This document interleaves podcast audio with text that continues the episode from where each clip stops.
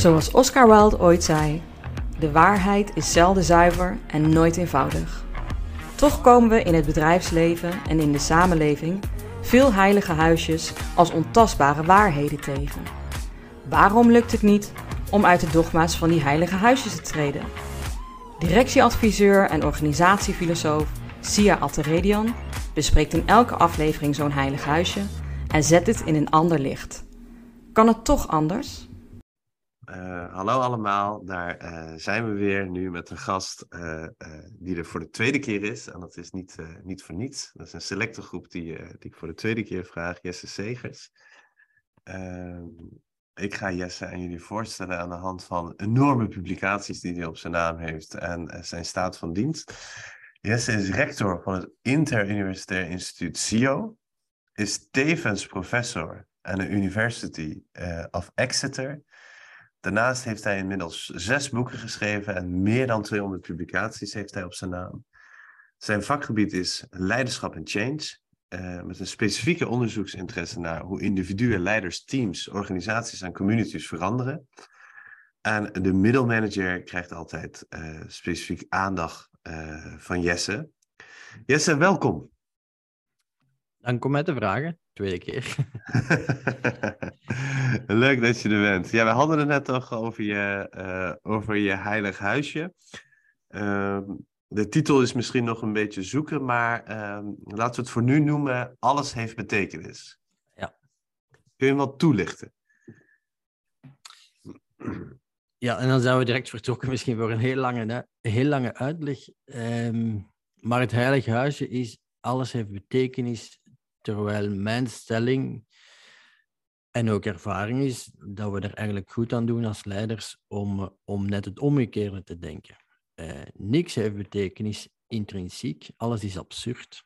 En als je van dat startpunt start, denk ik, krijg je paradoxaal genoeg veel meer voor elkaar dan het idee dat alles betekenis heeft. En Waarom heb je dit überhaupt als heilig huisje gekozen? Wat, wat zie jij in de praktijk dat, dat jou... Hè? Want ik, mijn vraag is altijd... Uh, ik weet niet of ik jou dit nu zo specifiek gevraagd heb... maar waar wil je tegenaan trappen, hè, is dan de vraag. Uh, of, of waarvan denk je van... oeh, we moeten dit anders, echt, echt anders gaan bekijken. Dus hoe ben je hierbij gekomen?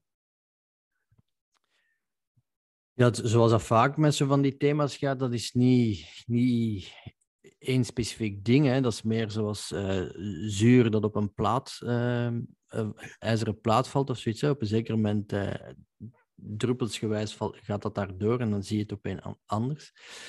Ehm, misschien heel, heel praktisch is het, het gegeven natuurlijk van mijn werk als ik raden van bestuur begeleid en je zet er alternatieve betekenisgevingskaders naast er was nu één specifieke klant die echt wel uh, voor een taai systeem stond. Hè? Dus ik zou het niet individuele weerstand noemen, maar die echt uh, elk voorstel dat ik of andere mensen zelfs in de organisatie deden, uh, mocht wel op de tafel gelegd worden. Maar ik heb daar een prachtig metafoor gekregen van die organisatie. Die zeiden, ja, die raad van bestuur die maakt een schoolslagbeweging. Dus het komt wel op de tafel, maar het wordt er ook direct terug afgehaald. Um, en dus die alternatieve betekenisgeving mocht niet bestaan.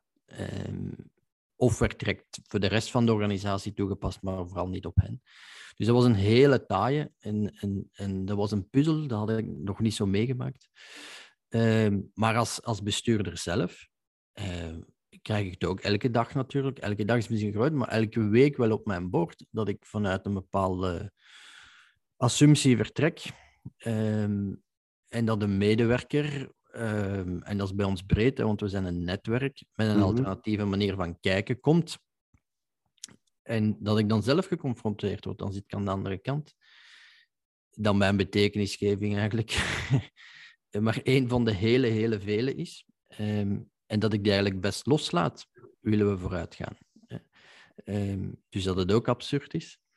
Um, ja, en natuurlijk, ik blijf, maar na vijf jaar is dat wel minder. Ook een Belg in Nederland. Hè? Dus uh, af en toe zie ik nog wel dingen gebeuren waarvan ik denk, hè? Um, die ik dan niet goed kan begrijpen. En dat ik, dat ik merk dat ik echt wel in een, in een ja, een vreemdeling ben in een vreemd land of zo. Ehm, en dat is eigenlijk de eerste reactie op, op, op, het, op, het, uh, op de ervaring. Of die gaat, voor aan het, die gaat er vooraf aan, hè, aan het absurdisme. Een soort vervreemding uh, dat je voelt. Vervreemding? Ja. Daar heb ik uh, een keer leuk bij jullie over gesproken, maar dat is, ja. gesprek, voor een, dat is gesprek voor een andere keer. Ja. Ik, ik vind het heel mooi en heel rijk wat je vertelt, dus ik uh, laten we het gewoon één voor één afgaan. Eh, die, uh, die bestuurder die maar niks voor elkaar kreeg. Hè? en het klink, klinkt ook een beetje onterecht. Hè? Die, die alle, alle voorstellen werden direct van tafel afgegooid. Zeg ik dat dan een beetje goed? ja, al, al krijgen ze heel veel voor elkaar. Maar tegelijkertijd zijn er bepaalde stukken die ze niet voor elkaar krijgen. Bepaalde veranderingen die ze niet voor elkaar krijgen. En wat logisch is, omdat zij in een bepaald paradigma aan het kijken zijn, dus in een bepaald patroon aan het kijken zijn, dat, dat niet enkel inherent is aan hun, dat is ook inherent aan de organisatie waar dat ze werken en zelfs in de industrie dat ze werken en dan nog in de regio waarin dat ze werken in Nederland, is het, is het allemaal is dat patroon versterkend. En dat brengt die verandering die ze voorstaan tot een bepaald punt. Ehm, als je met kleurtjes of zo zou werken, dan zou je zeggen, ja, ze zijn goed in het blauwe of het gele van veranderen, hè, voor de mensen die dat graag hebben. Kaluwe hebben we het dan over, ja, van de, ja, van, de, ja. van Kaluwe en Vermaak. Um, maar als je daar dan andere kleuren naast begint te zetten, dan, dan merk je gewoon dat ik heel rare taal spreek voor hen. Hè. Ook al kan, maak je die verbinding eerst. Hè. Dus, en, eh, en wat daar voor mij achter zit, en ik heb, ik heb die nood ook hè, bij momenten, is, is dat wij als mensen een heel sterk verlangen hebben naar, naar eenheid, naar, uh, naar het absolute, naar coherentie, naar dat we moeite hebben met ambiguïteit. En dus met, met meerdere betekenissen naast elkaar te laten staan. In het Engels zeggen ze dat zo mooi, hè? de ambiguïteit is I'm on, I'm on two minds. Hmm. En het is niet de bedoeling om naar one mind te gaan, maar nee, I stay on two minds. Maar dat is natuurlijk niet zo. Ik bedoel, hetzelfde fenomeen kan op zoveel verschillende manieren uitgelegd worden, die dan nog eens onderling op gespannen voet staan. Um, als Belg heb ik dat op een zeker moment heel veel meegemaakt. Ik was in een sessie en dan zei daar iemand van... Um, eh, wat was het nu weer? Creativiteit boven respect. Uh, dus had iemand een casus binnengebracht en we moesten die oplossen. En ik zag daar opeens heel, heel wat Nederlanders echt losgaan in zogenaamde creativiteit. Voor mij zogenaamde creativiteit. Ik vond dat niet. Ik vond dat gewoon onbeschoft. Mm Hoe dat die, mhm. die casushouder vragen stelde en verwijten maakte tegelijkertijd. Zo kwam dat voor mij allemaal over.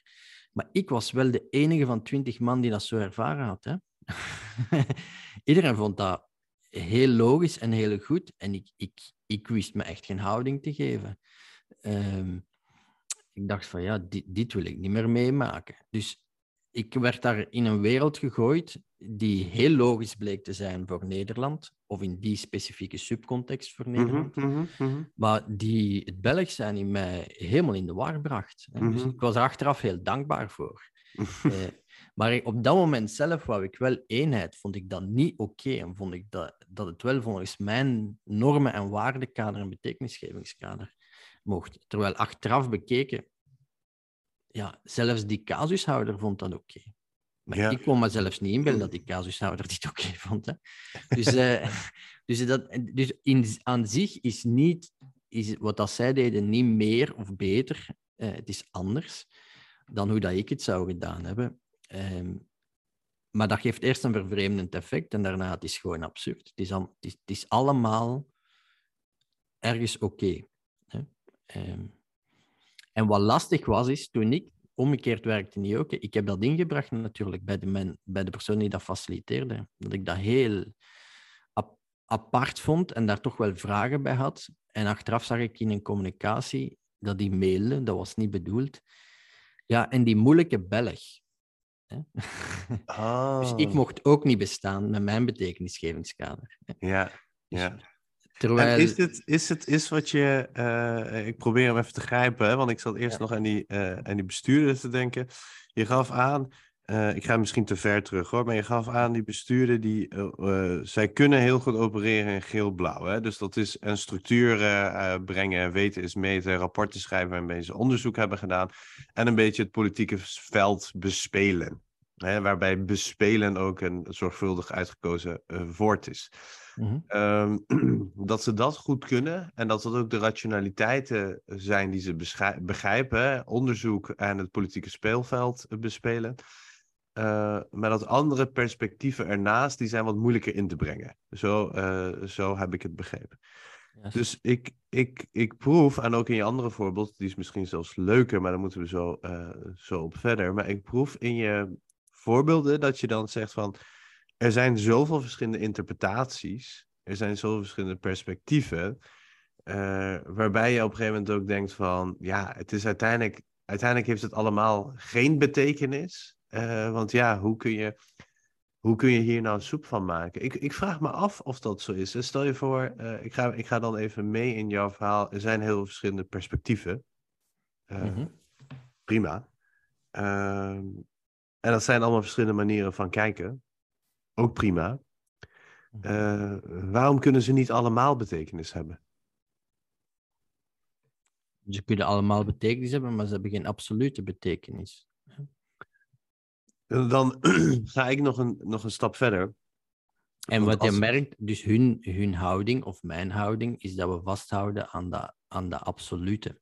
Dus uh, dit is hoe het leven geleefd moet worden. Dit is hoe de verandering veranderd moet, gemanaged moet worden. Dit is waar de organisatie voor staat. Ehm, en dat is een, een soort verabsolutering.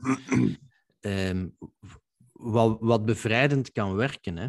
By the way, als je daarin zit, maar niet vrij. Hè? Het maakt je niet vrij. Is, hè? Dus uh, het, het helpt het, het, maakt, het geeft wel een gevoel van bevrijding als je in zo'n paradigma stapt. Maar het, ont, maar het ontslaat je van de verantwoordelijkheid, deels. Hè? Ja, dus je zegt eigenlijk als je maar blind gelooft van als we maar genoeg onderzoeken doen en uh, wetenschappers erbij halen, kunnen we het probleem oplossen. Wat natuurlijk uiteindelijk niet zo is. Geeft je wel het gevoel van uh, controle of uh, in control zijn. Maar uiteindelijk krijg je niet iets voor elkaar. Maar je zei ook, die bestuurder, die heeft. nee, je zei je krijgt meer voor elkaar. Als je uh, neigt naar dat uh, absurdisme, als je zegt van ja, weet je, ik laat, ik laat al die paradigma's los, het maakt toch niet uit. Ik vraag me dan af, zegt dit iets... Waar je niet ontslaagt om te handelen, hè? Maar daar nee, nee, eens, eens. Komen, komen, ja. komen, straks op.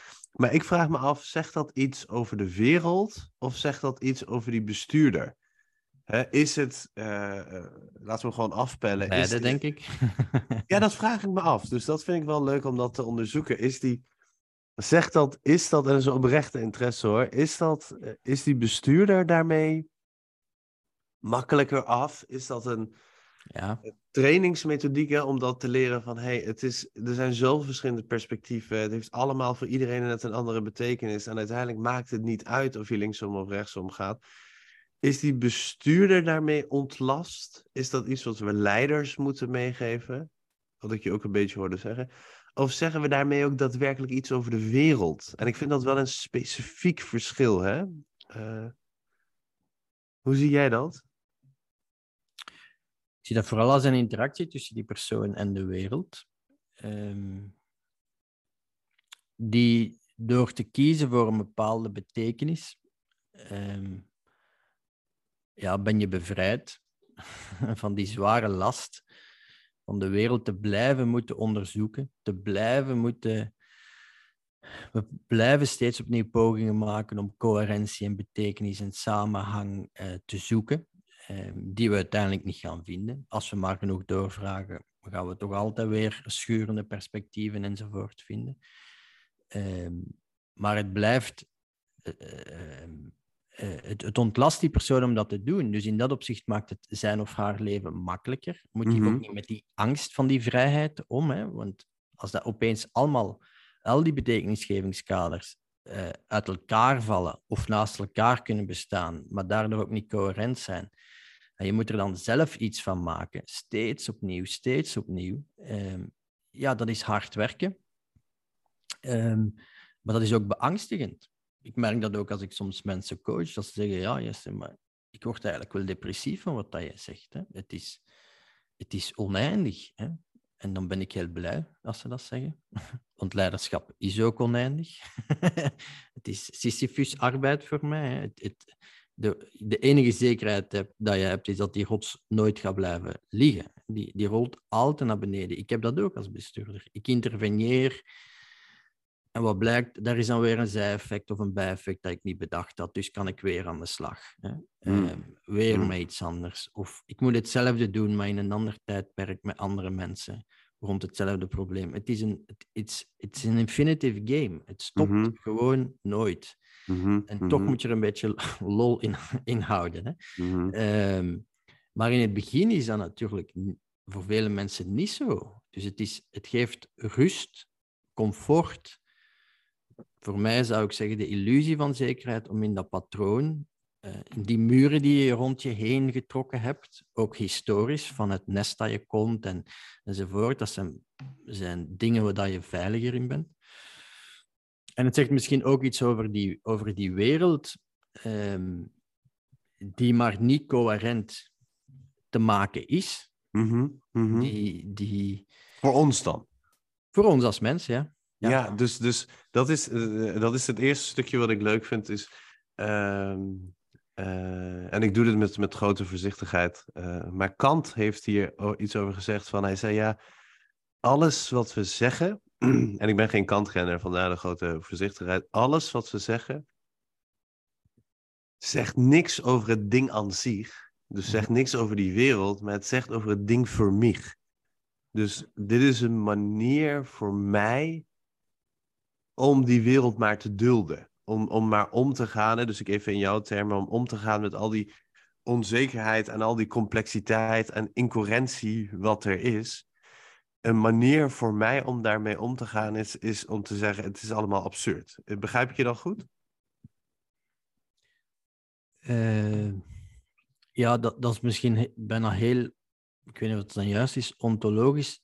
Ik weet niet of dat, dat ik, voor mij is het ook gewoon een vaststelling. Ik kan Ja. ook niet buiten mezelf treden, dus voor mij is dat gewoon een vaststelling dat, dat een marketinglogica kan spannen met een finance logica, kan spannen met een eh, organisatielogica in relatie tot een netwerklogica. eh, Ja. Dat dat vol paradoxen zijn die we nooit niet opgelost gaan krijgen, eh, finaal. Mooi. Ehm, dat de korte termijn scheurt op de lange termijn. Dat het individuele belang spannend is ten opzichte van het collectieve belang. Prachtig. ehm, ja. Enzovoort, enzovoort. Dat zijn, en, en dat soort puzzels krijg je als bestuurder Ja, permanent op je bord. Want als het wel zogenaamd oplosbaar was, dan was dat ook vaak al lang opgelost in de organisatie. Dus hoe hoger dat je gaat, hoe meer dat je van die absurde vragen krijgt. Of, of vragen als hoeveel. Hè, ik, ik had het recent nog in een ingenieursbedrijf en komt er zo'n ingenieur naar mij. Ehm, wat is de ratio, professor? Hè? De professor weet dat dan. Ja. De ratio tussen de, tussen de hoeveel nieuwe projecten dat we kunnen doen en de oude. Wat is, wat is daar het antwoord op? Dus ik heb uiteraard het enige juiste antwoord gegeven, dat was 42. Eh, en dan schoot hij zelf in de lach. Dat, dat, dat is een redelijk absurde vraag, maar die man heeft zo'n nood om dat in een soort wiskundige formule te kunnen steken van als ik maar 30% vernieuwing doe en 70% het bestaande eh, in stand houd, dan zijn we goed bezig. Terwijl ik hem heb aangegeven, who knows? Who knows? Ik bedoel, het hangt er al maar vanaf hoeveel nieuwe mensen dat je hebt. Het hangt er maar vanaf wat een geschiedenis dat je hebt. Het hangt er maar vanaf hoe revolutionair je nieuwe projecten zijn. Het hangt er maar vanaf hoe gemakkelijk het bestaande te onderhouden is. Het hangt er maar vanaf hoeveel interdependenties er zijn tussen al die nieuwe projecten en de, en de oude projecten. En hoeveel externe mensen die je nodig hebt daarvoor. En wat dat hun draagcapaciteit is. Het, enzovoort, enzovoort. Ik bedoel, Mhm, mhm. Maar het antwoord is dus wel 42. Ja. Dat is, en gisteren kreeg ik ook nog zo'n vraag. Ja, Jesse, kan je komen vertellen wat het volgende stadium is van, het, van de verandering? Eh, Ik, ik, ik viel van mijn stoel. Ik dacht, het volgende stadium van de verandering. Dus die persoon assumeert dat wij als wetenschappers dan een model hebben dat toepasbaar is in elke industrie, in elke organisatie, op elke soort verandering, met alle soorten mensen, in elke soort cultuur, waar dat we dus perfect kunnen voorspellen wanneer dan ook nog eens de volgende stadium van verandering zou plaatsvinden en dat dat dan ook altijd hetzelfde stadium is en dat we dan ook nog weten hoe dat we dat moeten doen. Ik vind dat een... Ja, ik snap die nood aan die eenheid, aan die zekerheid, aan die voorspelbaarheid, die er dus niet is. Ik vind het... Uh... En dan denk ik, als we nu starten met het is allemaal absurd, we gaan dat nooit niet weten, het is incoherent, dan komt de vraag, ja, moeten we dan gewoon niks doen? Nee, dat is ook niet waar. Hè? We moeten dan nog van alles doen. Maar dat basisstartpunt, het heeft betekenis, het is voorspelbaar, maakbaar, er is eenheid, er is iets absoluut. Er zijn zekerheden waar dat je niet voorbij aan kan. Ja, ik, ik, ja, dat is voor mij een heilig huis. Als we dat nu eens allemaal zouden kunnen loslaten, en dat vraagt heel wat van een mhm. mens, mm zou ons wel kunnen helpen, denk ik. Ik vond het echt prachtig wat je omschreef waar je als bestuurder mee te maken hebt. En ik vind dat misschien de reden waarom ik het misschien zo mooi vind, is ik zit natuurlijk zelf in leiderschapsontwikkeling, teamontwikkeling. En het is gewoon goed voor mensen, uh, weet je, burgers die klagen over de overheid of werknemers die klagen over de. En, en ik zeg niet dat dat onterecht is, hè, dat, dat geklagen. Vooral Nederland eh, maakt wel hard stappen achteruit. Hè. De complexiteit waar we in België al jaren mee te maken hebben, daar komen wij langzaam in en zijn we niet gewend hè, van een semi-falende overheid. Maar ik vind het prachtig als je zegt van ja, luister, ik zit op die stoel. En wat ik op de korte termijn doe is tegenstrijdig met de lange termijn. Wat ik voor uh, departement A doe is slecht voor departement X. Wat ik voor Dus ik vind het prachtig dat dat een keer zo, zo helder wordt uiteengezet. Uh, en waarbij die bestuurder ook gewoon wordt. Er wordt in ieder geval zichtbaar waarom dat besturen zo moeilijk is. En wat mij betreft creëert dat ook een type bestuurder.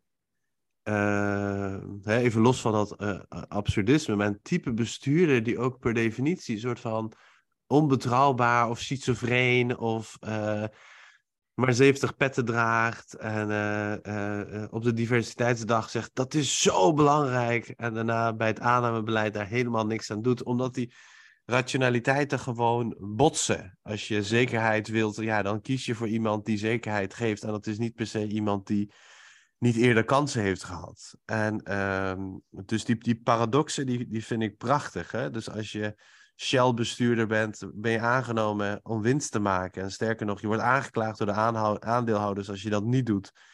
Maar er is een hele wereld eromheen die zegt, ja, jullie helpen de uh, planeet naar de Filistijnen. Dus die tegenstrijdigheden, die vind ik vind ik fantastisch. En hoe je dat uitlegt, dat dat niet zo, zo'n uh, ja, eenvoudige, overzichtelijke wereld is. Um... En, en, belang, en, en ik denk dan, het helpt als je overtuigd bent, en dat is een paradox op zichzelf, eh, als, je, als je verabsoluteert dat de wereld absurd is. Hè? eh, in die zin, mij helpt het alvast om er zo naar te kijken.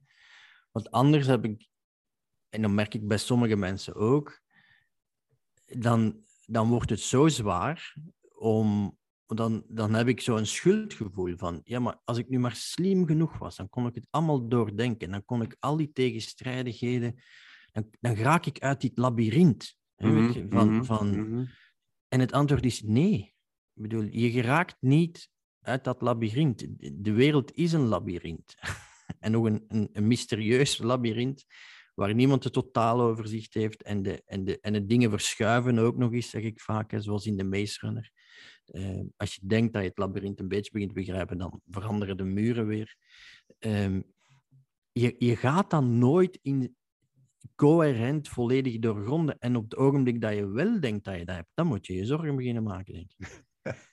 maar is, dat, is dat niet, en misschien zeggen we daarmee hetzelfde, maar is dat niet een betekenis die we eraan kunnen geven? Ja, en dat is, vind ik, een beetje het paradoxaal. Hè? Dus ik verabsoluteer het absurde en daardoor wordt het is misschien het absurde het meest betekenisvolle of zo. Ja, ik, weet, ik, ik wil even het woord in, in mijn termen, hè, jij mag uh, daar zeker iets tegen nemen. Ik wil het term uh, absurd even weglaten. Als je nu omschrijft wat je omschrijft, dan denk ik dat klopt helemaal. Hè? En um, ik, ik ben van huis uit ook uh, econoom en jurist. Even vergeet filosoof, ik ben ook econoom.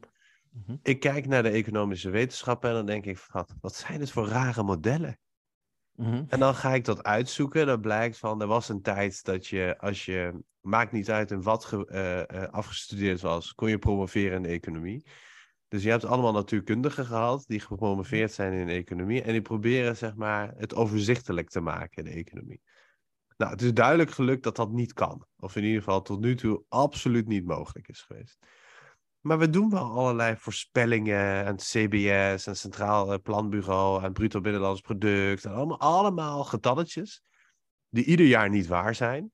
Maar toch hebben we daar heel erg behoefte aan om dat in dat model, in dat absolute model te gieten. En dan zeggen we aan het eind van het jaar, ja, ze zaten er zoveel naast.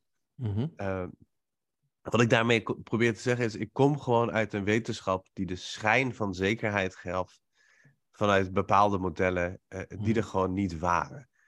Dus de natuurkunde heeft wat successen gehad met uh, het voorspellen en het absoluut kunnen inzien. Die beginnen nu ook onder twijfel te komen met kwantumfysica. Maar er is wat succes gekomen geweest in de natuurkunde. Alle andere wetenschappen willen dat overnemen. Dat doet mij ook denken aan die man die vraagt hoeveel moeten we nieuwe projecten, hè, het, waar het antwoord 42 op was. We zijn op zoek naar die zekerheid en die voorspelbaarheid die natuurkunde in ieder geval op sommige thema's heeft gegeven. Die gedachtegang, daar worden we mee opgevoed. Daar gaan we de scholen mee in, universiteiten mee in. Dat leeft in de samenleving. Meneer de professor, vertel wat het antwoord is. Ja, en vroeger, voor sommige mensen is het wat, wat, wat vraagt God hè, van ons? Ja, ja, dus die, die, die, die zekerheden, uh, vroeger gaf religie dat, uh, nu geeft de, zeker, uh, de wetenschap dat. Ja.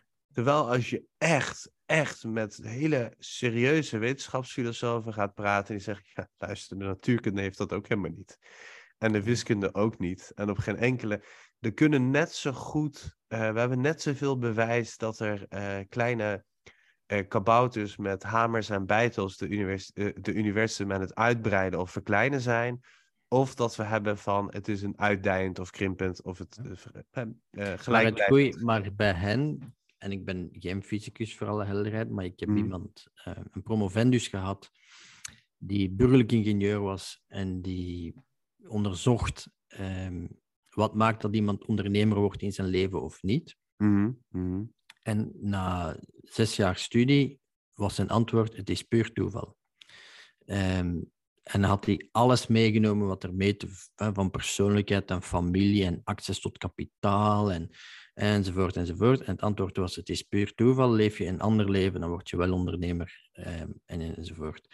En ik vond dat heel verfrissend. Het was heel moeilijk in de managementwetenschappen om dat natuurlijk duidelijk te maken. En voor hem was dat een heel logische vaststelling, want hij zei: ja, maar ja, in de fysica zijn er al heel lang uh, de, de, zekerheid of de modellen dat sommige dingen onvoorspelbaar zijn. Dat, dat je dat mhm. gewoon niet kan weten. En hij zei, het mhm. meest klassieke voorbeeld is als je een, een emmer neemt en je, en je laat die vollopen met water en je wilt gaan voorspellen waar uh, het water en in welk patroon het water over de rand van de erm, emmer uh, rolt telkens, omdat je dat, die kraan niet dichtdraait, is onvoorspelbaar. Dat weet je gewoon niet. En dacht ik, hmm, blijk, blijkbaar aanvaarden zij dat sommige dingen gewoon niet geweten kunnen worden of niet mhm. wiskundige modellen gegoten kunnen worden. Voor de mhm. rest snap ik daar niks van. Ik heb me daar dan in verdiept om heel snel tot de conclusie te komen, dit wordt niks, daar heb je het brein niet voor. Um, maar ik vond als algemene stelling dat wel een hele geruststelling. ja. Um, en dat, en dat wil opnieuw niet zeggen dat je niks moet doen. Hè. En waarom ik het woord absurdisme gebruik, dat, mm -hmm. dat ik leen dat dan van, van Albert Camus, die, die eigenlijk zegt, het, het is de confrontatie, of het absurdisme ontstaat uit de confrontatie van de mens die aan de wereld vraagt, geef me eenheid, geef me helderheid, en de mhm. wereld mm -hmm. die op onredelijke wijze zwijgt. Mm -hmm. um, die dat dan mhm. niet geeft. En dan ontstaat er een absurd, absurd gevoel. Um, en daarom dat ik dat woord gebruik, eh, maar ja, in al zijn kleur, het is dan wat kleurrijker of levendiger ge, gebruikt in de vorige dingen. En hij, hij onderzoekt, want dat was wat mij dan fascineerde. Ik kwam tot die vaststelling, ja, veel dingen zijn absurd. Of zo voel ik ze dan toch aan, van ja, en wat moet ik nu? En dat is het leuke, vind ik, aan Albert Camus. Uh, en hij heeft leesbare romans en hij heeft iets moeilijkere theoretische werken, maar ik vind het nog rel relatief leesbaar. Um, voor een niet-filosoof, want dat ben ik dus ook niet. Um, hij komt tot de conclusie dat je eigenlijk drie dingen dan moet doen. Dus mm -hmm. hij, hij, stelt heel die vraag, als het leven absurd is, wat rest ons dan? Hè? Hoe moet ik het Mhm, leven mhm. leven? Mhm. En het eerste wat hij eigenlijk zegt, is je moet in opstand komen. Als je niet in opstand komt, dan berust je eigenlijk in het feit dat alles absurd is. Mhm. Waardoor Mhm. het niet meer absurd is, natuurlijk. Eh, dus, heel, hè, dus het is een beetje een, een, eh, een getwiste redenering, maar als je Mhm. ze logisch doorkomt, dan is het logisch dat als je vanuit, de vanuit het leven leeft alsof het absurd is, dan ga je net in opstand komen. Dan ga je de wereld in vraag blijven stellen. Dan ga je je niet neerleggen bij dat ontransparante. En net dat gevecht, die, die rebellie, die opstand, dat, die eeuwige zoektocht, ehm, geeft je leven ook waarde, zegt hij. Betekenis zou je bijna kunnen Betekenis, zeggen. ja, betekenis, absoluut. Eh, maar het, het, en dat is het, het verschil. Het startpunt is heel anders. Mhm, mhm, Dus je valt, Mhm. als het dan niet lukt, het is de eeuwige nederlaag. Hè? In, dat, in dat opzicht is leiderschap de eeuwige nederlaag. Het, eh, dat geeft telkens die rust. Die steen rolt toch terug naar beneden. Ja, Oké, mooi. Dat weten we met zekerheid. Maar dat wil het ons niet ontslagen van het gegeven dat we die steen toch opnieuw naar boven gaan proberen te rollen en die daar te laten gaan liggen.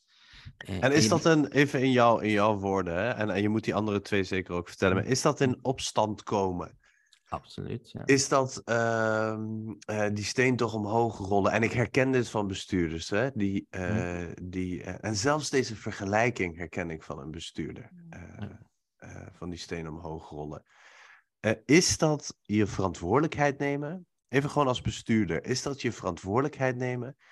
Is dat betekenis geven aan je leven? Is dat een taak die wel gedaan moet worden? Want anders komen andere krachten die je helemaal overspoelen. Dus ik denk ook wel eens als we het hebben over de menselijke maat. Ik snap ook wel dat het niet direct gelukt is. Maar ik denk ook wel, het zijn wel En, krachten nooit, die. en dus nooit, en dat is belangrijk vanuit het absurde, dus ook nooit helemaal zal lukken. Nee, Dat- Nee, niet en kan, te- het kan gewoon ook niet lukken. Ja, en tegelijkertijd is mijn vraag, hè, dus is het eh, betekenisgeving, is het verantwoordelijkheid, of is het om de balans maar eh, te bewaren? Want als er eh, allemaal mensen zijn die ook zeggen, laat die menselijke maat dan maar zitten. Ik denk, ik denk dat er altijd weer een andere oppopt, hè, dat het een infinite game is. Maar stel je voor, het, eh, iedereen zegt laat het maar, zijn we dan niet overspoeld met iets anders? Dus is het ook niet een gevecht, een oneindig gevecht, maar om een of andere balans te behouden ehm, in die organisaties? Want als je niet vecht voor de financiële logica, wordt het dan niet alleen maar de ideologische logica? Of wordt, als je niet vecht voor de marketinglogica. Wordt het dan niet alleen de operationele logica? Weet je, is het ook niet dat die krachten samen elkaar in stand houden en betekenis geven? Ik weet het niet. Hè? Dus wat, wat is voor jou de betekenis als bestuurder van dat stukje op, eh, eh, in, eh, in opstand komen? dat je. eh, het, is, het is mijn verantwoordelijkheid nemen voor mijn eigen leven. En als, en als leider heb- heeft dat dan ook nog disproportioneel invloed op de anderen in hun leven. Eh, en, het, en tegen het absolute vechten. Dus, eh, want als we de financiële logica niet overnemen, dan wordt misschien de saleslogica de enige logica waardoor de organisatie dood is. Ehm, dus als je iets verabsoluteert, sterft het eigenlijk. Hè. Ehm, dat is het enige wat echt absoluut is dan, hè. dat is de dood. Ehm, en de, alle, dus het, het niet aanvaarden van het absolute is dus het leven eigenlijk, hè, als, we het dan, als we het dan omdraaien. Dus als we maar één ding altijd laten vooruit laten gaan, ja, dan, dan sterft de organisatie of dan sterft een stuk maatschappij. Of dan, en, en dat is en dat is niet oké. Dan heel existentieel uitgedrukt. de, de levensvlam, het vuur om te willen leven, maakt dat ik daartegen vecht, dat dat niet oké is. Bedoel, het is niet oké om back-office zich minder te laten voelen en front-office zich beter te laten voelen of iets weg te duwen. Nee, het is mijn plicht als leider, of als, maar ook als mens, om dat te gaan onderzoeken. Je zegt die meervoudige betekenis, die is eigenlijk essentieel in het leven. En jij formuleert hem in, als een negatie. Dan zeg je, we moeten vechten tegen het absolutisme. Ja. Ja. Oké, dat is dat stukje in opstand komen. Wat is het tweede punt die, uh, die je wilde vertellen? Tweede punt. Het grappige is, ik heb het beleefd en dan gaf Camus mij de woorden. Dus dan kan uh, Albert Camus om, om mijn ervaringen helpen te structureren. En dat is, dat is even, uh, voel ik nu als mijn plicht als praktisch filosoof. Ja. Want Luc Stegman, die jij ook kent, ehm, Jos Kessels en ben even de naam van de derde. Ik dacht Erik, die hebben een boek geschreven waarin ik ook heb meegeschreven over praktische filosofie. En dat zijn allemaal oefeningen. Um, vanuit het ISVW is dat uitgegeven. En ik denk eigenlijk, maar dat zijn even mijn woorden, dat dat de taak is van de praktische filosofie. Je voelt iets. Of het nou, je had het over vervreemding of ontheemding. Of je, je, je, je, in je werk voel je iets en daar heb je gewoon nog niet de woorden voor. Ja. En het is thuiskomen op een plek waar je nog nooit geweest bent. En als of, of waar je al geweest bent, maar, maar het had nog geen naam. Is dat dat kan ook, hè? Dus een plek waar je geweest bent, uh, maar waar je nog niet wist waar dat was. Ja. En, en dat vind ik zelf het meest verrijkende van de praktische filosofie in de, in de bestuurskamer, is dat er heel veel gevoeld wordt, maar het is nog niet. Uh, je kan het nog niet grijpen, je kan het nog niet benoemen. Ja. En door er taal voor te vinden, creëer je eigenlijk een heel nieuw handelingsrepertoire. En in jouw geval is dat het absolutisme. En, dan, en dat handelingsrepertoire geeft je gewoon een compleet nieuw wereldbeeld.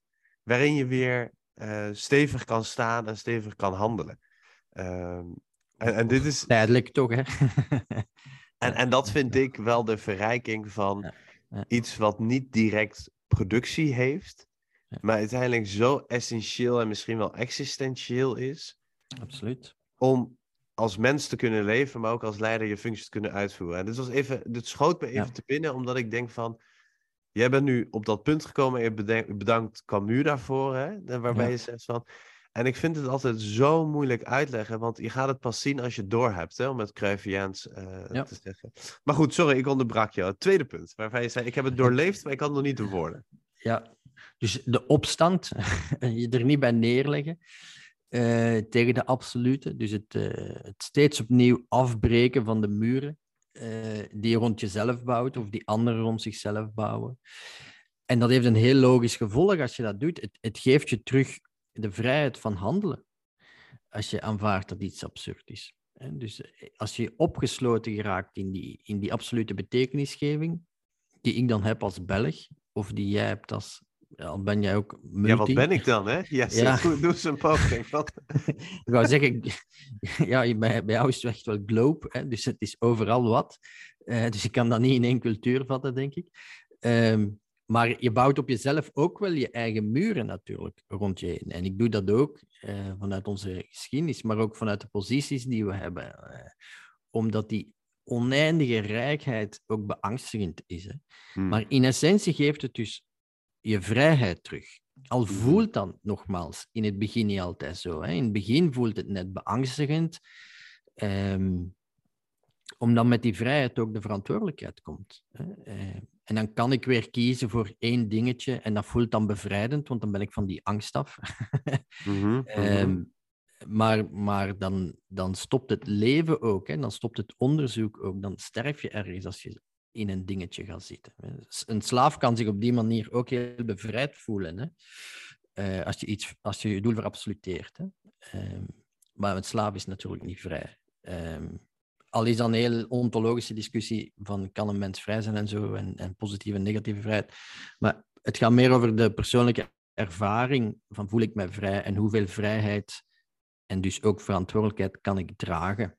Um, en ik en ik hoop en ik wens dat veel leiders heel veel vrijheid en dus daardoor ook heel veel verantwoordelijkheid kunnen dragen. Mooi. Eh, Mooi, ja, je maakt nu een bochtje die ik eigenlijk heel, heel prachtig vind. Want, eh, eh, ja, hoe zal ik het verwoorden? Ik, ik doe echt verschillende opdrachten bij de overheid. mhm. En de overheid heeft natuurlijk een. eh, Dat is een feest van absurdisme, hè, de overheid. Nou, ik, ik, zou, hem- ik zou hem anders willen, willen verwoorden. Ik, ik, ik zie vooral bij leiders die, die zijn gevangen. Die zijn gevangen tussen, tussen beleid en, en, en spelingsruimte. Tussen eh, zijn we een wetgevende organisatie of een uitvoerende organisatie. Of ik heb maar zoveel budget. En als je zegt van. Je bent oneindig vrij om te handelen. En die handelen die brengt een bepaalde verantwoordelijkheid met zich mee. Mhm. Je moet dat eerst even inzien. Dus je moet even in gevecht met je eigen overtuigingen. Dat dat Ja. het inderdaad echt zo is. En, en zodra je doorhebt tijdens je opstand dat het niet zo is.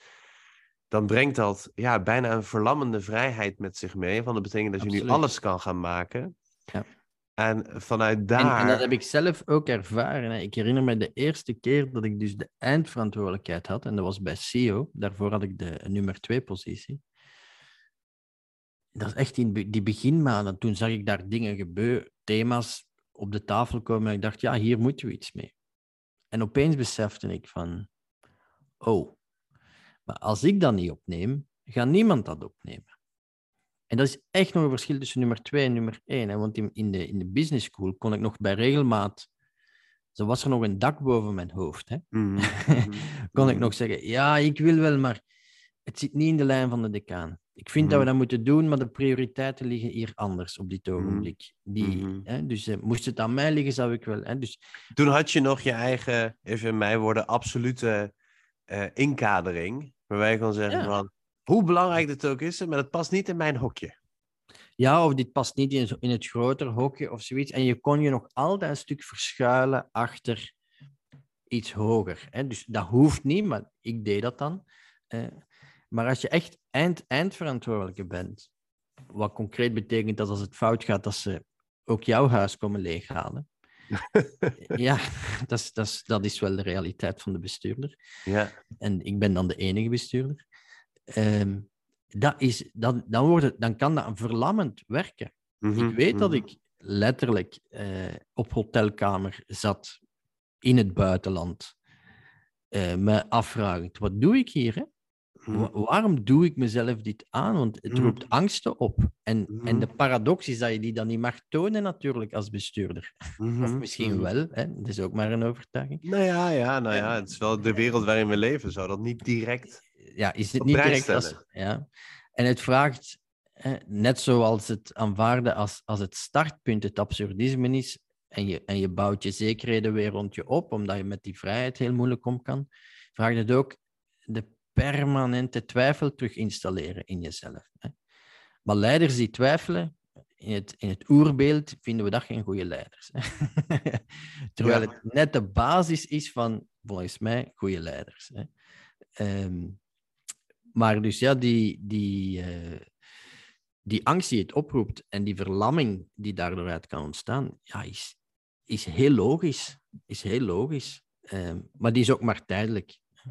Ja, en wat ik daar... eh, wat Dan gaan ik- we weer ik- muurtjes bouwen op dat oneindige vlakte.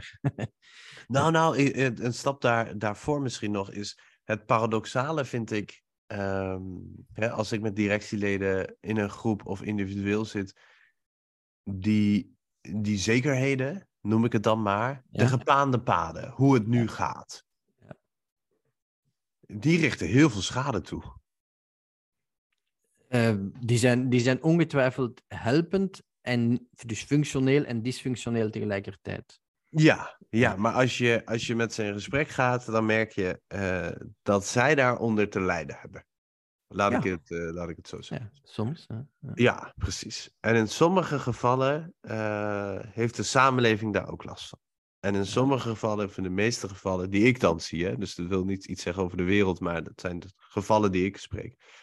En er zit ook een bepaalde bias in selectie, en dan anders staat ze niet met mij in gesprek. Maar de meeste gevallen die ik zie, en ik denk dat het ook wel breder gedragen is, die, eh, er zit gewoon, eh, ehm, er zit geweld in. En dan bedoel ik niet, ze slaan elkaar met stokken, maar ze doen zichzelf, de ander, de samenleving geweld. Maar er wordt ongelooflijk nog goed vastgehouden uh, aan dat beleid, en dat beeld, en dat cultuur. Hè? En dus dat absolute idee van, hè, die jij omschrijft. En filosofisch klopt het misschien niet wat ik nu zeg, maar uh, voor de praktische dagelijkse gang van een bestuurder, die houdt nog wel vast aan zijn taken, aan, zijn, uh, aan het beleid wat er is. Terwijl dat zoveel geweld doet. En, en, en, en het uh, uh, komieke daarvan vind ik, maar als je dat loslaat en je gaat vrij voetballen, er kan net zoveel geweld uitkomen. Hè? Mm-hmm. Maar je hebt wel de kans en de vrijheid dat het misschien iets beters wordt. En dat Ja, of iets los... anders. Ja. Ja, of iets, op zijn minst iets anders. En die vind ik heel paradoxaal. Dus we houden vast aan iets wat ons en de ander geweld aandoet. Maar dat loslaten en de angst voor iets anders. Want het kan natuurlijk ook slechter zijn, hoeft niet per se beter te zijn. Die verlamt inderdaad. Die verlamt dat je dan maar vastgrijpt aan wat er was. Ja, en dat is heel menselijk. Hè? Ehm, hè, we- liever één vogel in de hand dan tien in de lucht. We hebben er zelfs zes Ja, li- liever, liever, liever zeg maar een drol in de hand. dan iets anders, want je weet niet wat dat andere is. Dus dat is die zekerheid. Maar, daar zit een heel moeilijke tuss, tuss, een heel moeilijk tussenfase in. Hè? Ehm, als je het bestaande afbreekt, die, je breekt die muurtjes af en je krijgt terug een, eh, terug een hele eh, vlakte voor jou, die oneindige ruimte, van wat gaan, we, wat gaan we nu weer bouwen? Als individuele mens is dat één ding, maar je, je hebt ook verantwoordelijkheid naar anderen toe. Ze verwachten van alles voor jou. Ja, En, ja.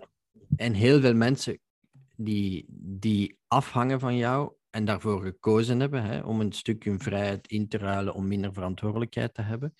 eh, en zeggen, doe jij maar. Ja. Ehm, die verwachten wel betekenisgeving, die verwachten wel die muurtjes. Die willen niet mee met jou op die oneindige vlakte gaan staan en kijken, wat gaan we nu weer samen bouwen? Om het daarna weer af te breken. Hè? Dus Ja. die, kunnen, die willen dan niet dragen of kunnen dan niet dragen, of hebben nog voor gekozen of whatever. Ehm, en dat is, een, dat is dus een hele, dat tussen, die tussenruimte is een hele lastige om over, over te gaan. Dus ik snap Ja.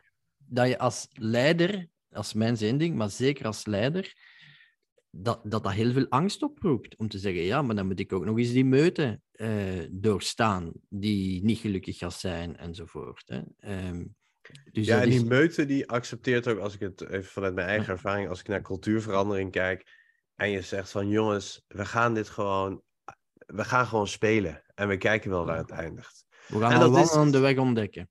Ja, en dat is per definitie wat je doet. Wie je ook bent, hoe je benadering ook heet, hoe je het hebt ingekleurd, welke sheets je hebt gemaakt. Ja. Je kan gewoon niet voorspellen. Maar als je dit even, en vergeet de leider en degene die dit moet kopen, dat roept al genoeg complexiteit op. Als je zegt van we gaan gaandeweg ontdekken, wat we allemaal doen. Maar vertel dit maar aan de menigte. Vertel dit maar aan de massa. Vertel dit maar aan de cultuur van de organisatie. Ja, die vinden dat één grote grap. Eh, Ja, want die vertrekken niet vanuit dat absurde standpunt, hè? die vertrekken vanuit een absoluut standpunt. Hè? ja, En, want het derde punt na opstand en vrijheid is passie, zegt Camus. En da- daarin zegt hij nu net, eh, het is een kwestie van zoveel mogelijk leven, van kwantitatief leven, niet van kwalitatief leven. Dus kwalitatief zouden we ons weer volgens bepaalde waarden en normen in een bepaald eh, absoluut ideaal achterna lopen. En dan is dat kwalitatief beter als een ander. ja, Het zit vol paradoxen. Hè? Ehm, maar hij zegt nee, het is kwantitatief. Zoveel mogelijk onderzoeken. Dus het, hele brede eh, eh, uitzoeken. Ehm, en, en hij noemt dat dan passie. Zoveel mogelijk onderzoeken wat gegeven is. Hè? En, en dat is dus opnieuw naar die vlakte kijken en zeggen: laat ons dat allemaal eens afgrazen. Laat ons allemaal eens onderzoeken. Laat er overal een keer van alles mee doen. En het is niet één stukje pakken en daar dan heel die toren opbouwen. Nee, nee, probeer zoveel mogelijk eh, het leven en alles wat het te, te bieden heeft te onderzoeken en, en, en, en op te nemen in, in jou. En dat is waar je die mensen dan toe uitnodigt. Maar dat is. Al, sommige mensen vinden het al moeilijk om 15 kilometer te verhuizen met hun huisje. Hè? Laat Mhm. staan dat ze dan ook nog eens in het buitenland gaan werken of ander eten gaan eten. Of ik mag het nu heel eh, zintuigelijk. Mhm, mhm, Ehm, mhm, mhm. Maar dat is voor hen al moeilijk. Dat is dan nog maar het fysische. Laat staan dat ze in die psychische wereld willen gaan stappen en zeggen van dat ga ik ook nog eens allemaal loslaten. De waarden en normen die ik heb meegekregen van mijn ouders en van mijn eh, pubervrienden en van mijn sportleerkracht enzovoort. Dat is niet het juiste, het absolute, de enige manier om het leven. Nee, het, er zijn nog zeven, we zijn nu 8 miljard mensen die misschien op een andere manier tegenaan kijken. En het ene is niet noodzakelijk beter dan het andere. Eh, het hangt maar van de context af waar wij dan voor gaan kiezen eh, enzovoort. Al is er wel altijd voor mij zoiets, een, een ondergrens, en ik denk dat Camus dat ook zegt, maar ik vind dat niet heel expliciet terug. Dat is de... Het, het lijkt een soort onthechting, behalve, schrijft hij ergens van de pure levensvlam. Dus de, en dan kom ik wel uit bij Levinas, maar dan kan jij beter uitleggen als ik ongetwijfeld. Van, als het gaat over fundamenteel lijden van de ander, ja, da, daar kan ik dan toch niet aan voorbij gaan als, ja, dat is, ja, het is absurd. of zo van, Nou, maar ik vind, ik vind, ik vind hoe je. en ga zo vooral verder, want het is een heel mooi verhaal. Ik vind hoe je aan de hand van Camus het absurde uitlegt. Vind ik een hele mooie, maar dan moeten we daar ook aan vasthouden. Want die absurde. eh, is niet direct het absurde die we in het dagelijks leven gebruiken. Oh, het is absurd, laat me zitten. Hè, Ah, nee, het is absurd. die- Dus laat ons beginnen. Precies, precies. En het is absurd, en dat voeg ik daaraan toe. Het is voor mij absurd. Dus het eerste deel van ons gesprek is, Ja. weet je, het is voor mij absurd. Het wil niet zeggen dat de wereld per definitie absurd is. Maar als ik erover nadenk dat ik een aap ben op een ronddraaiend steen, vliegend door het heelal, eh, na- eh, met een andere aap nu in gesprek ben eh, over dat we door het heelal vliegen op een draaiende steen. Ja, complex. Op zijn minst complex. Hè? Dus misschien zelfs. En dat ik me, nou weet je wat. en dat ik zeg maar als aap op die ronddraaiende steen in een oneindig heelal aan het vallen ben. En me eh, eh, nu druk zit te maken op wat Jantje of Pietje vindt van een documentje die ik zeg maar geschreven heb op een eh, ja, computertje die we hebben uitgevonden. En ehm, eh, terwijl, terwijl ik dat aan het doen ben en een overhemd heb aangetrokken, ga ik in die kamer hiernaast mijn ontlasting droppen in een machine die het dan weer wegspoelt met water. Maar we doen wel alle deuren dicht, zodat niemand anders dat ziet. Want anders zou je misschien eraan herinneren dat ik toch een aap ben. Dus zo'n concept hè, is natuurlijk op zijn minst absurd of op zijn minst grappig. Eh, Ja. en het is wel alles wat ik zeg is aan de hand van de nieuwste wetenschappelijke inzichten die we hebben. Ehm, of nieuwste, hè, aan de hand van hele standaard wetenschappelijke inzichten die we hebben. Ehm, vanuit daar vertrokken, it's hard for me to make sense of this. Hè, ik heb ooit eh, eh, of, of zelf verzonnen of ergens gehoord. Ik ben, ik ben ooit tijd bezig geweest met quantum physics. Om dat filosofisch te begrijpen. Hoe kan het nou dat deeltjes op twee plekken tegelijkertijd zijn? Maar het is onmogelijk voor jou of voor mij of voor andere apen om te teleporteren. Mhm. Hoe kan dat nou? Hoe kan iets twee dingen tegelijkertijd zijn? Dat is datzelfde behoefte aan eenheid die jij constant Absoluut, geeft. Dus ik heb dat even vastgehouden. Maar die behoefte aan eenheid, wat misschien een beetje een ziekte is van de mens, hè, Ja. om die behoefte te realiseren, of in ieder geval van het westerse denken. Hè, want boeddhisten kunnen daar, eh, die zeggen ook er is niks. En die kunnen daar misschien anders eh, over denken. Al helemaal in de Japanse traditie. Maar, maar wij hebben de behoefte om eenheid te zoeken, een concurrentie te zoeken. Die wereld geeft die niet per se terug. Eh, hè? Ook in de weet. En dat bedoelde ik met de nieuwste inzichten. In de quantum physics zien we dat niet terug. hele kleine deeltjes, die kunnen teleporteren, die kunnen twee dingen tegelijkertijd zijn. Ik kan maar niet, op het ene moment zijn ze dit, op het andere moment zijn ze dat. En terwijl het is niet het een of het ander, ze zijn het tegelijkertijd allebei. En het is niet te peilen. Als ik het waarneem, verandert het van gedrag. Mm sociologisch is dat best goed te begrijpen. Hè? Als je tegen mensen zegt, ik ben jullie aan het observeren en ze gaan andere gedrag vertonen. Maar dat een elektron, een neutron, een ander gedrag vertoont als ik het ga observeren, dat is van de zotte. Mhm. Dat is op zijn minst absurd. Maar jouw verhaal vind ik een andere betekenis van absurd dan we in het dagelijks leven doen. Die zegt van ja, maar er komt een, en ik zeg het even in andere volgorde, maar er komt een verantwoordelijkheid bij. En een uh, vrijheid bij om dit te onderzoeken. Ja. En dat is bijna een verplichting om, daar, om dit te gaan onderzoeken. Zo noem ik even de opstand dan maar. Ehm, je hoort dit te onderzoeken. En dat vind ik als bestuurder. Uh, heb je natuurlijk niet met kwantumfysica te maken, maar als bestuurder zit je voor complexe vraagstukken, waarbij het een het andere is en het andere het een is en het verandert iedere dag. En aan jou wordt gevraagd om dat te gaan besturen, is dat natuurlijk een prachtig vertrekpunt als je zegt van ja, maar dit is ongelooflijk complex. Ik kan dit niet überhaupt bevatten. En misschien kan niemand dit bevatten. En, maar ik heb wel de verantwoordelijkheid om die uh, steen en die rots iedere dag omhoog te duwen. Ja. Uh, en daarin iets te veranderen, iets te realiseren, of, of, of dat niet eens. Ik pak gewoon mijn verantwoordelijkheid als mens. Ja, ik vind vooral dat laatste. En en door dat te doen, realiseer je dat je niet sterft, natuurlijk. door, zolang je die rots maar kan blijven duwen, ben je niet dood. Hè? Um, en daarbinnen heb je nog heel veel keuzes. Um, of dat je die rots nu traag omhoog rolt, of zigzaggend, of halverwege pauzeert. Of, bedoel, er zijn nog zoveel mogelijkheden van hoe dat je die rots naar boven zou uh, willen, willen rollen.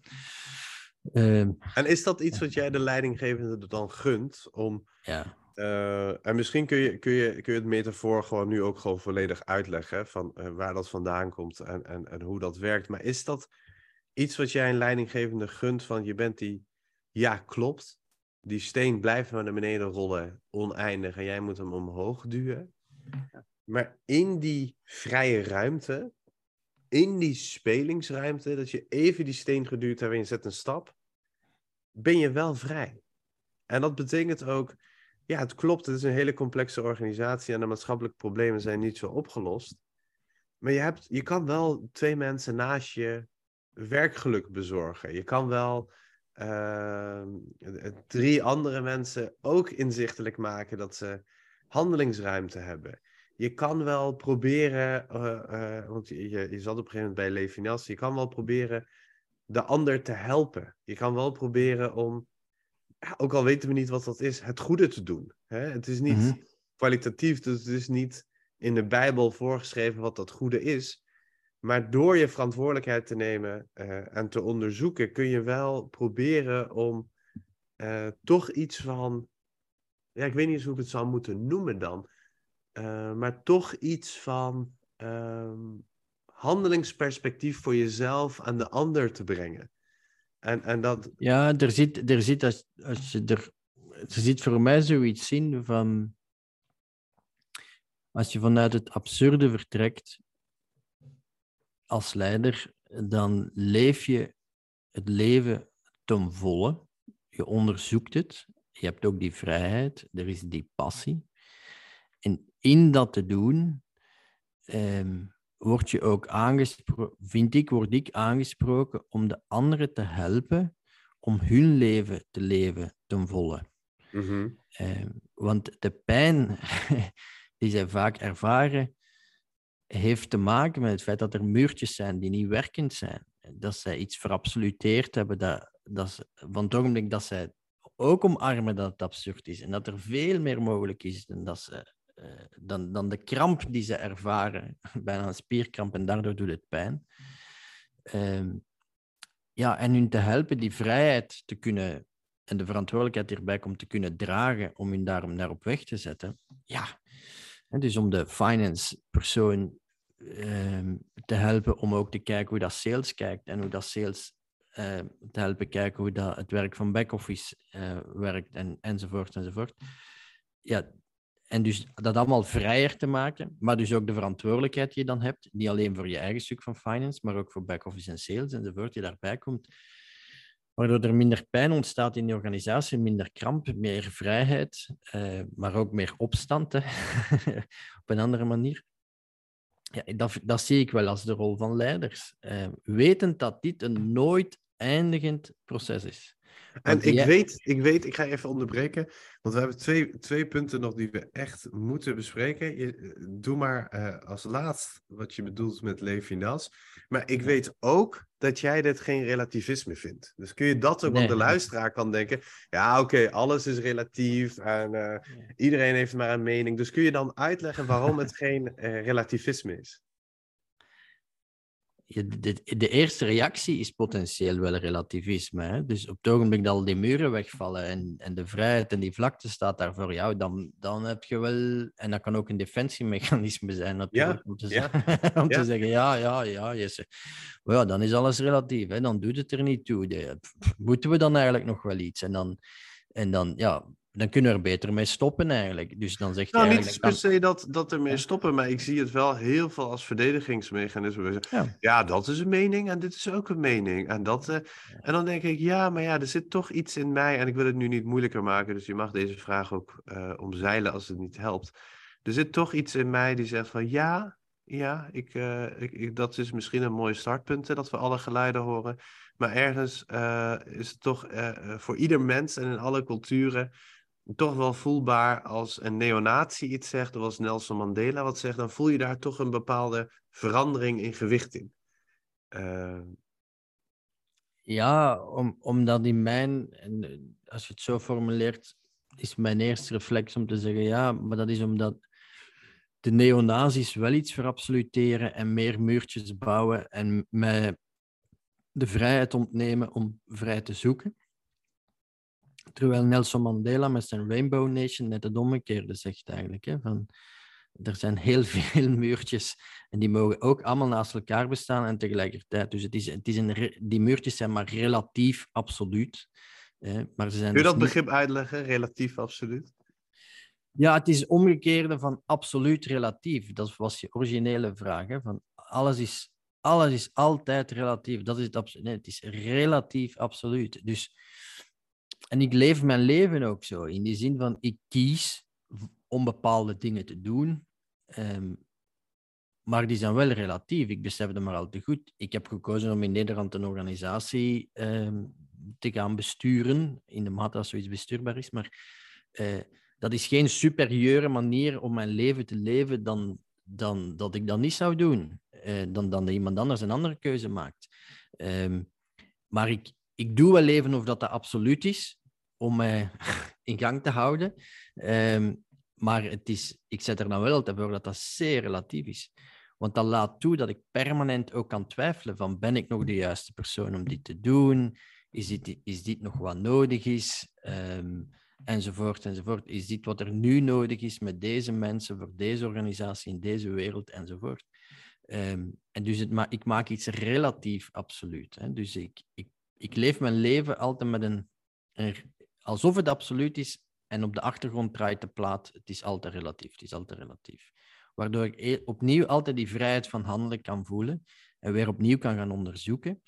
En dus niet eh, in de valkuil trap en dus aanvaard dat het ook absurd is, hè, dat er geen coherentie is, dat er geen eenheid is, dat het niet zich sluit.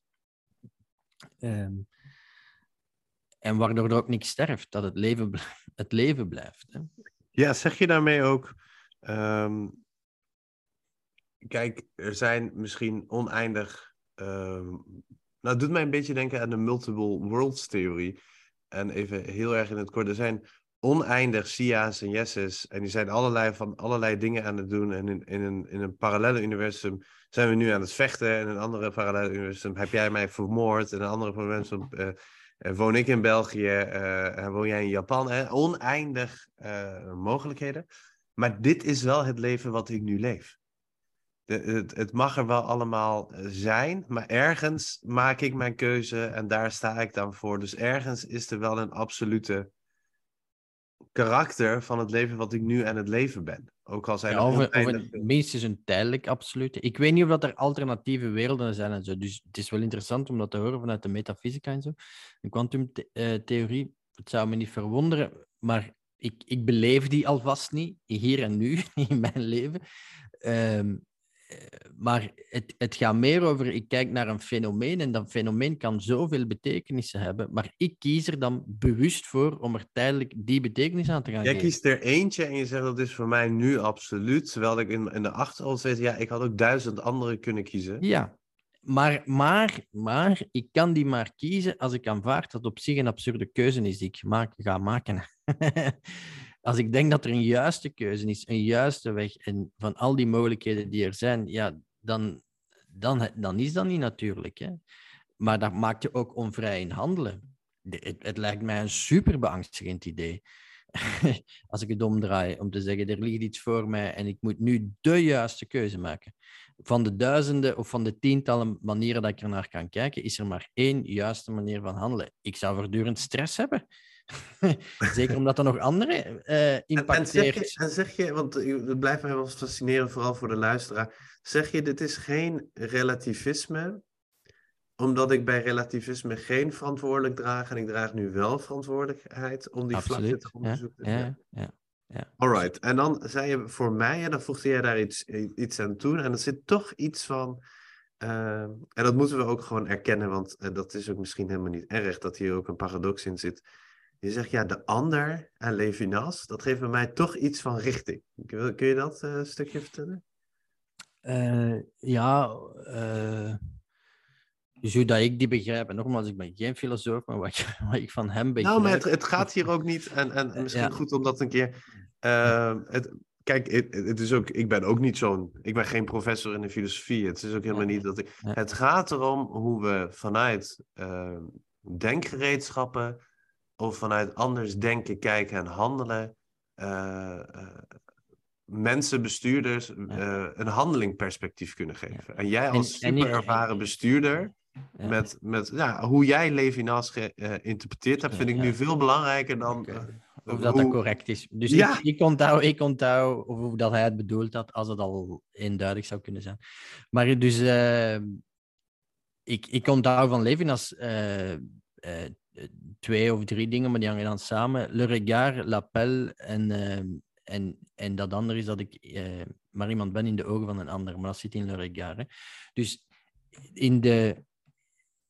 Hij, hij, hij zegt zoiets in die, in die zin van dat ah, ik kan in de ogen van de andere een, een appel voelen. Ehm, en het is maar in de ogen van een ander dat ik iemand word. Ja, dat is natuurlijk iemand die de Joodse concentratiekampen heeft overleefd en ge- gemerkt heeft dat je jezelf wel, God weet, een heel slimme, intellectuele, eh, wijze man kan vinden, maar als die nazi-kampbewaker jou gewoon een dier vindt en behandelt als een dier, dan ben je een dier. Hè? Dus ehm, daar zit een beetje in dat interactionele. En, en voor mij heeft het te maken met als, er, als ik de pijn bij de ander zie, het appel voel van help mij.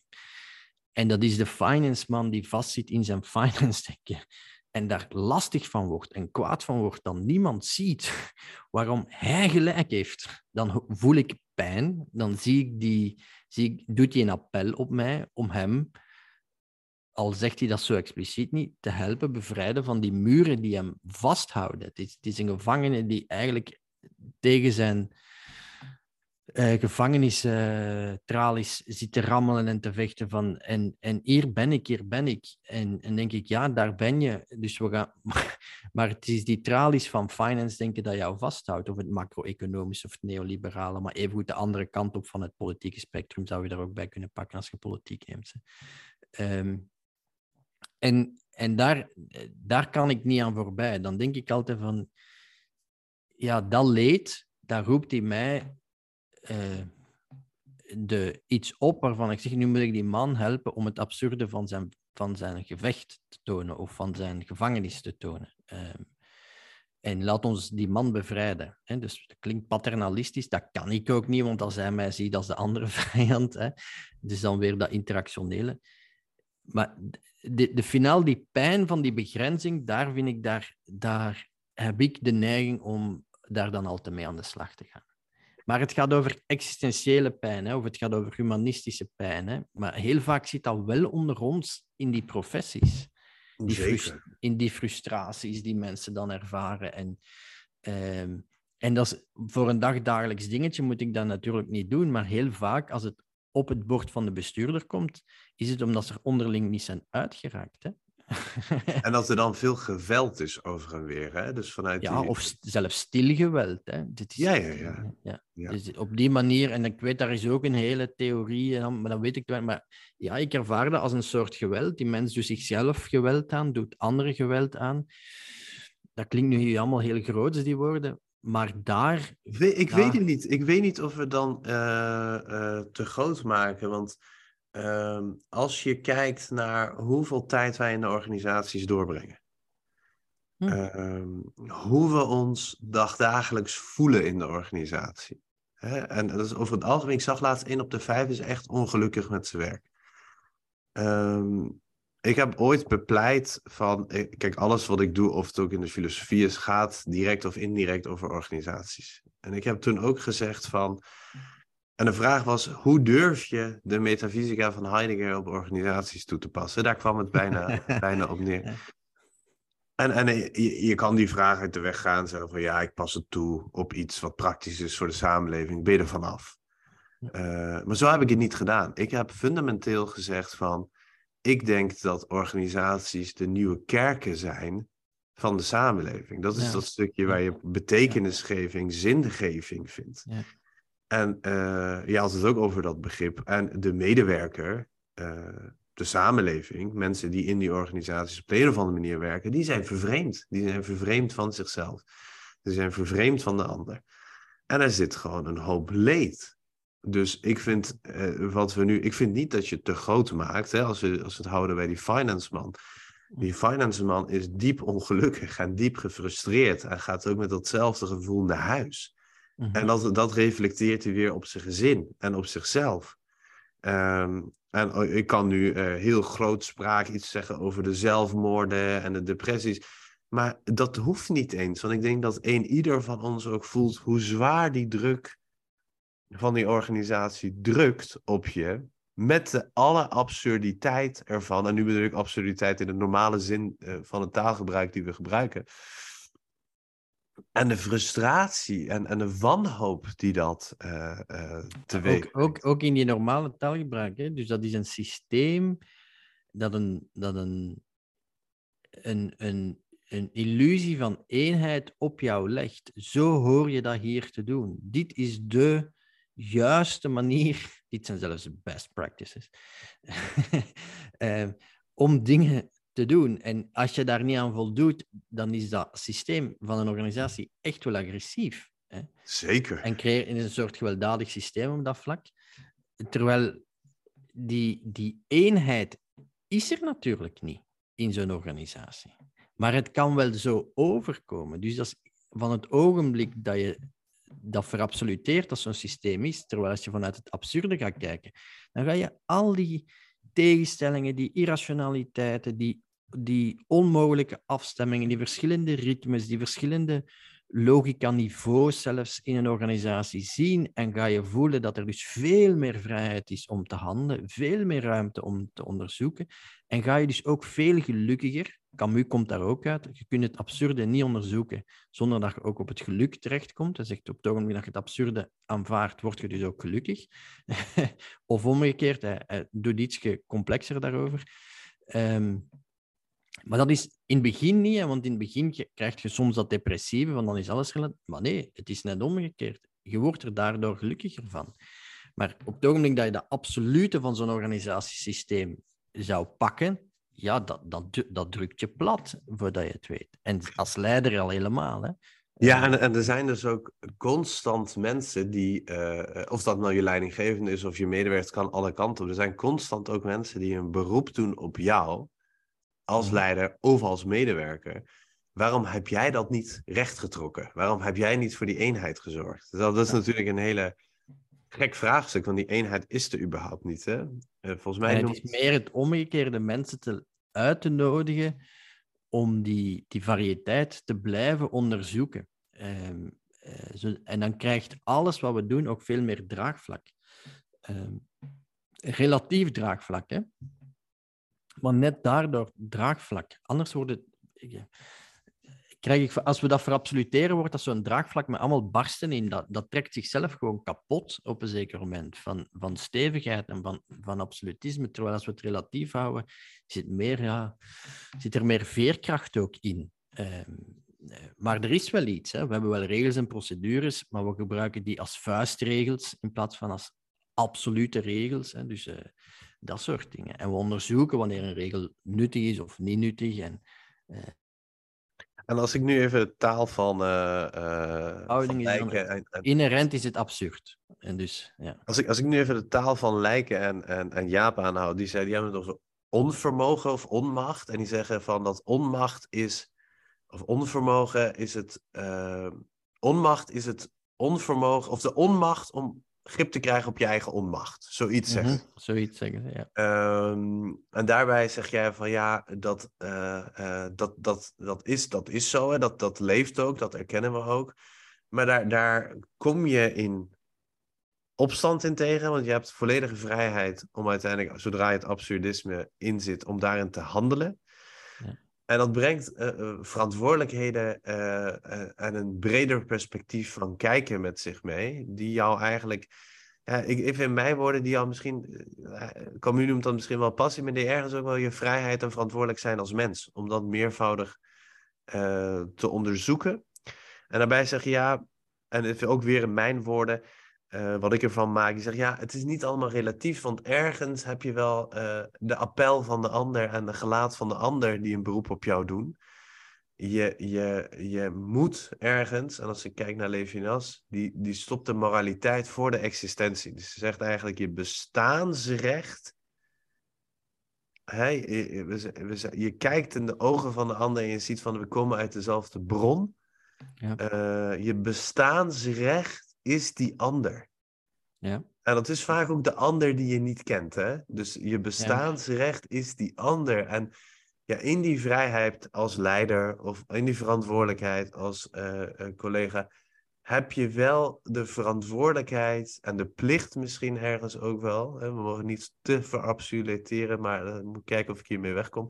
Je hebt wel de plicht om uh, het leed van die ander te verzachten.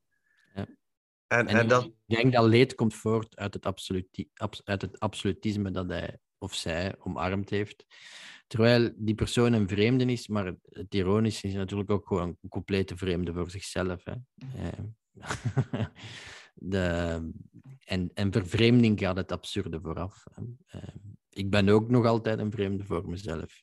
Ik heb die illusie dat ik mezelf ken, maar dat is, dat is helemaal niet zo. Zet mij, zet mij in, een, in een context weet ik veel, ik ben nog nooit in Japan geweest. Dan ga ik een stuk van mezelf ontdekken dat ik, ik niet wist dat ik dat in mij had. Ehm, dus ik heb, in, ik heb in Amerika gewoond, ik werk in Engeland, ik heb, werk in Nederland. Ja, ik heb gewoon heel veel stukken van mezelf ontdekt die ik niet wist dat ik die had, tot ik daar kwam. Dus er is nog allerlei vreemds aan mezelf. Ehm, gelukkig maar. Hè? Dus eh, maar ook dat besef, hè, ehm, als ik mezelf verabsoluteer in de zin van ik weet wie ik ben, ik weet waar ik naartoe ga, ik weet wat ik doe enzovoort, ja, dat maakt ook verschrikkelijk ongelukkig. Het is veel gelukmakender en vrijer en rijker. En uh, ik, ga daar, ik kom daar een stuk tegen in opstand. Ik weet dat niet. Uh, ik weet dat relatief, ja. En tegelijkertijd weet ik dat niet. Achteraf weet ik dat dan al meer. Zo van die, die persoon was ik daar dan blijkbaar voor mij. Maar het helemaal leuk is als je dat dan gaat bevragen bij anderen. Hè. Dan, mijn leven als het interactionele, ja, anderen zien mij dan weer helemaal anders en zo. Hè. Dus, uh, dus op, op dat vlak ben je, als je al die multitude van mensen bent, ben je ook weer vreemd hè, aan jezelf. Um, en dat geeft rust. en lichtheid ja. en speelsheid en geluk.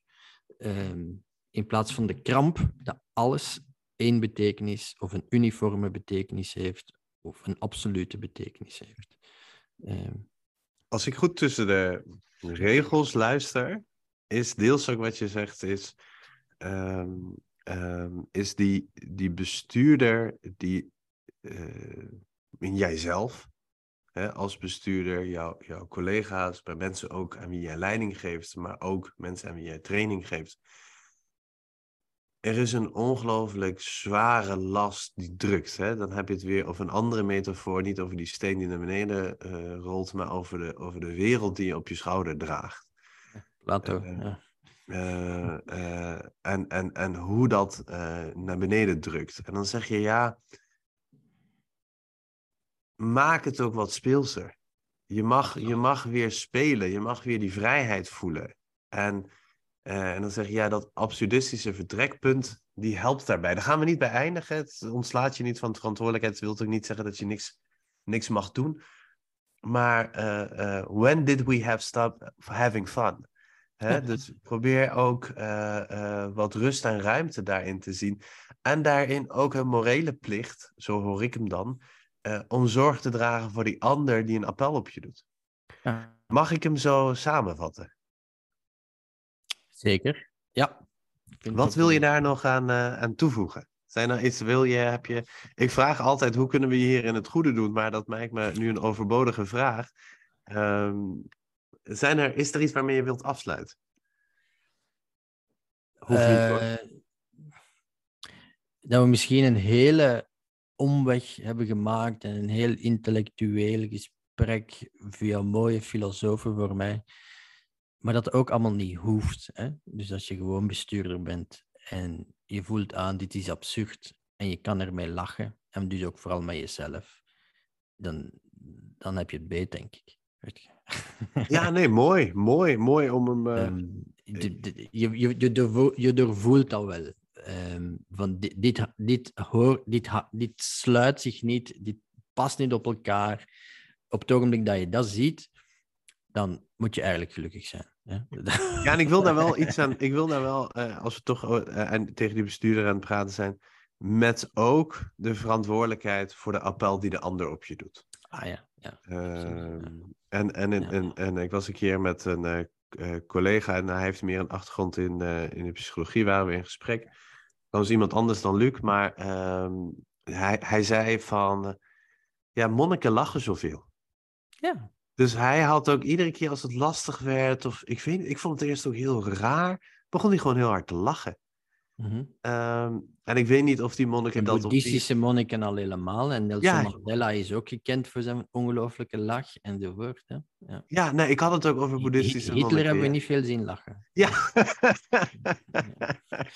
dat is misschien ook iets moois om mee te eindigen. Als je, als je kan blijven lachen en die ander kan blijven zien, dan eh, is dat misschien een mooie samenvatting. Jesse, enorm dank voor je tijd. Ik vond het een heel, eh, heel mooi en boeiend gesprek. En eh, eh, ja, we hebben het over moeilijke concepten gehad en filosofen, maar ik vond het tegelijkertijd ook heel tastbaar en grijpbaar. Vooral toen jij vanuit je ervaring vertelde van, ja, ik zit tussen al deze paradoxen, zeg het maar. En dan denk ik, ja, dat is, het is in ieder geval misschien een mooi gereedschap voor, voor bestuurders om, om, om het als eh, eh, eh, startpunt te gebruiken, het absurdisme, en als eindpunt te eindigen met de verantwoordelijkheid die je hebt voor de ander. Levenles. Ja. ja, heel erg dank. Ik heb genoten. Jij weer dank. hè.